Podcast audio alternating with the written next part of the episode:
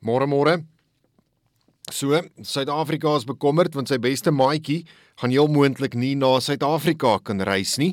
Dit na die internasionale strafhof 'n lasbrief vir die inhegtenisneming van Vladimir Putin, die president van Rusland uitgereik het. Uh dit is nou al sedert verlede week Vrydag nuus, maar daar is gister nou 'n vergadering gehou by die Unie gebou met uh die koninklikes van België en die minister van internasionale betrekkinge Naledi Pandor wat natuurlik ook daar was. En sy het haar kommer uitgespreek oor die optrede van die internasionale strafhof. Daar kan seker baie gesê word oor die objektiviteit van die internasionale strafhof, baie gesê word oor die lasbrief wat uitgereik is vir Putin. Maar ehm um, Pandor se antwoord is natuurlik duidelik. Dit stel duidelik waar Suid-Afrika homself plaas in hierdie hele kwessie uh, oor die oorlog in Rusland en Oekraïne. Suid-Afrika wil uh, neuter, neutraliteit handhaaf. Dit is wat ons al gehoor het in die verlede. Hulle wil nie kant kies in hierdie oorlog nie en daarom stem hulle nie om Rusland te veroordeel op 'n VN platform nie. Daarom laat hulle ook maar seker toe dat Rusland militêre oefeninge in Suid-Afrikaanse waters kan hou. En daarom sê die minister van internasionale betrekkinge, hulle is bekommerd oor die internasionale strafhof. Al hierdie dinge klink vir my eerder asof ons Rusland se kant kies. En dit klink ook so vir die Belgiërs wat gister uh vir Ramaphosa gevra het om sy goeie bande met Putin te gebruik om die oorlog in Oekraïne tot 'n einde te bring om hom te oortuig om sy troepe te onttrek uit Oekraïne uit. So ja, ek stem saam met Pandor dat daar in die verlede is daar baie keer uh vraagtekens oor die optrede van die internasionale strafhof uh vra oor wie hulle moontlik in hegtenis wil laat neem En veral in hierdie geval lyk dit of daar 'n uh, groot politiek agter die besluit is om die lasbrief uit te reik vir Putin se inhegtenisneming. Ek het ook Rusland se reaksie daarop gesien en uh een van 'n Russiese amptenaar, ek dink was die minister van buitelandse sake, Sergey Lavrov, wat gesê het uh, ag ons skiet sommer die hof plat in Den Haag met 'n uh supersoniese missiel. Dit was sy antwoord.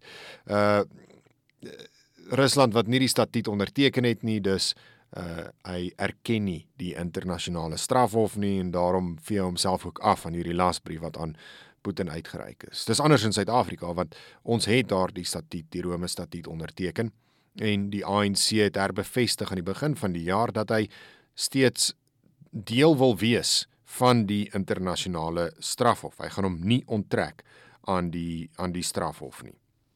Nou is die groot kopseer dat daar 'n BRICS-beraad gehou gaan word en soos ek nou nou gesê het, Suid-Afrika se maatjie wat heel moontlik nie na hierdie BRICS-beraad gaan kom nie, dit word in Suid-Afrika gehou en indien hy voet sit op die kontinent of in die land, dan moet ons hom in hegtenis neem volgens die Rome Statuut. Ek het ook uh, van Julius Malema se reaksie gehou. Hy beweer mos nou hy is in beheer van die land en hy het gister op 'n perskonferensie gesê niemand sal vir Putin in hegtenis neem nie. Hulle sal hom by die lughawe gaan haal vir sy vergadering. Hy sal vergaderings hier toespreek en hulle sal hom terugvat lughawe toe. En hy sê hulle gaan nie voorgesê word deur die skynheiliges van die internasionale strafhof wat nie weet wie die werklike skenders van menseregte en die moordenaars van hierdie wêreld is nie. Toe verwys hy na Tony Blair en na George Bush en Barack Obama en uh ons volgens Malema moet eerder kant kies aan uh, uh met lande soos Rusland en Kuba wat Suid-Afrika destyds gehelp het. Dan uh die ander storie, Gosienso Ramakgopa, die elektrisiteitsminister wat steeds sy kragtoer voortsit, hy's vandag onder in die Kaap. Nou hy haal kritiek op die hals vir die uitlatings wat hy maak by hierdie kragstasies. Ehm um, hy het vroeër die week ook reeds gesê dat uh dis meer eens uh of meerendeels tegniese probleme by Eskom en nie uh korrupsie nie wat beerdkrag veroorsaak. En uh die DA wat nou ook uitgevaar het en gesê het uh sy opmerking by kragstasies die afgelope week dat tegniese probleme en steenkool van swak gehalte die grootste probleem by die meeste kragstasies is uh is uh roekeloos en dit onthul sy werklike agenda. Nou volgens die DA is die werklike agenda om ANC korrupsie te suiwer en die misdadige netwerke wat in Eskom werksaam is, vry te stel van enige verantwoordelikheid en om eintlik te verseker dat hulle kan voortgaan met die plundering. Uh Ramakgopa het toe later wel toegegee dat by Tutuka kragstasie is daar wel korrupsie wat 'n kopseer is. En uh hy uh probeer dit nou sy uitlating so bietjie onderspeel. Die uh, feit van die saak is uh, as mens gaan kyk na wat al alles berig is oor beweringe van korrupsie by Eskom dan is dit iets wat mens nie kan ontken nie en ek dink hier dit is net by Tutuka kragstasie waar daar uh, korrupsieprobleme is nie ek ek dink dit is maar grootendeels by die hele S by die hele Eskom uh probleme.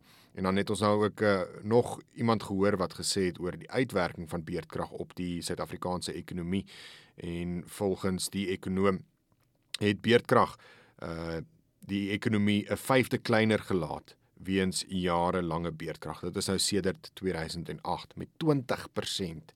Dis nou volgens uh Lungile Mashele by die Openbare Beleggingskorporasie. Daar kan ook elke dag van die van die elke week van die jaar volgens hom beerdkrag verwag word, maar dit is iets wat ons nou al lankal eintlik weet. Dan ook nog nuus uit die Tshwane Metro uit. Uh, daar sal nou volgende week Dinsdag raadsitting gehou word om 'n uh, burgemeester te verkies. Die waarnemende ALR vir samewerkende regering in Gauteng, Faith Masibuku, wat haar kommer uitgespreek het oor die feit dat daar nog nie 'n burgemeester verkies is nie en sy die spreker versoek om redes te verskaf waarom dit nog nie gebeur het nie. Ons weet die spreker het self besluit om die vergadering van vroeër die week uit te stel uh om regsekerheid te kry oor 'n koupraadsit.